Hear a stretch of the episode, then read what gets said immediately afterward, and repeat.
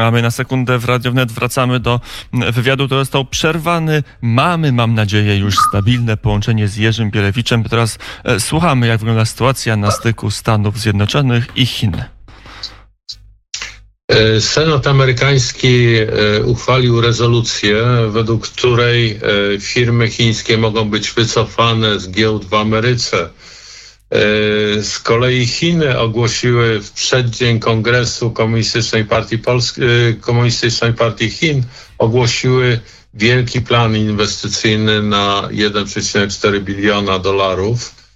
Zamierzają inwestować w 5G, sztuczną inteligencję, E, w te dziedziny high-tech, e, w których konkurują między innymi z USA i z pewnością te stosunki e, amerykańsko-chińskie będą naznaczone tą konkurencją.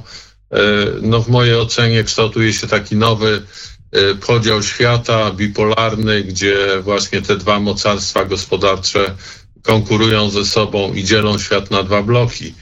E, z europejskich wydarzeń, no to e, e, premier Morawiecki może sobie pogratulować. Prezydent Macron i kanclerz Merkel uwzględnili jego postulaty o tym, że Unia Europejska powinna mieć własne dochody i własne podatki. Mówimy tu o na przykład podatku od śladu węglowego. E, to by, byłby, byłaby to taka taryfa celna na granicy, produkty energochłonne spoza Unii byłyby obarczone takim podatkiem, co oczywiście jest dobre dla naszego przemysłu, który jest dosyć energochłonny.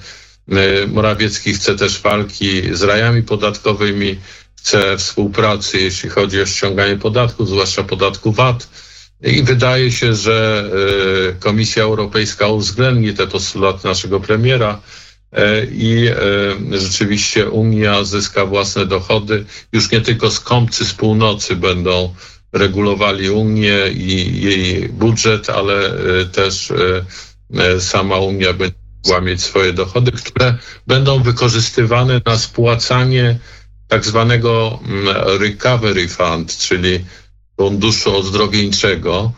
E, właśnie Merkel i e, e, Macron ogłosili plan powstania takiego funduszu na 500 miliardów euro. To dużo i mało. W każdym razie ten fundusz jest powiązany z budżetem Unii, więc to jeszcze bardzo, bardzo długo potrwa, zanim te pieniądze trafią do, do państw członkowskich, dlatego że no tak jak znam życie, budżet Unii będzie negocjowany do końca roku e, tego roku bieżącego. I my więc... do tego e, budżetu zaraz e, przejdziemy.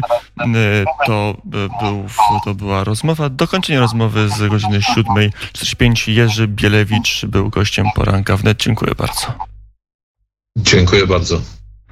A teraz mamy godzinę 8.16.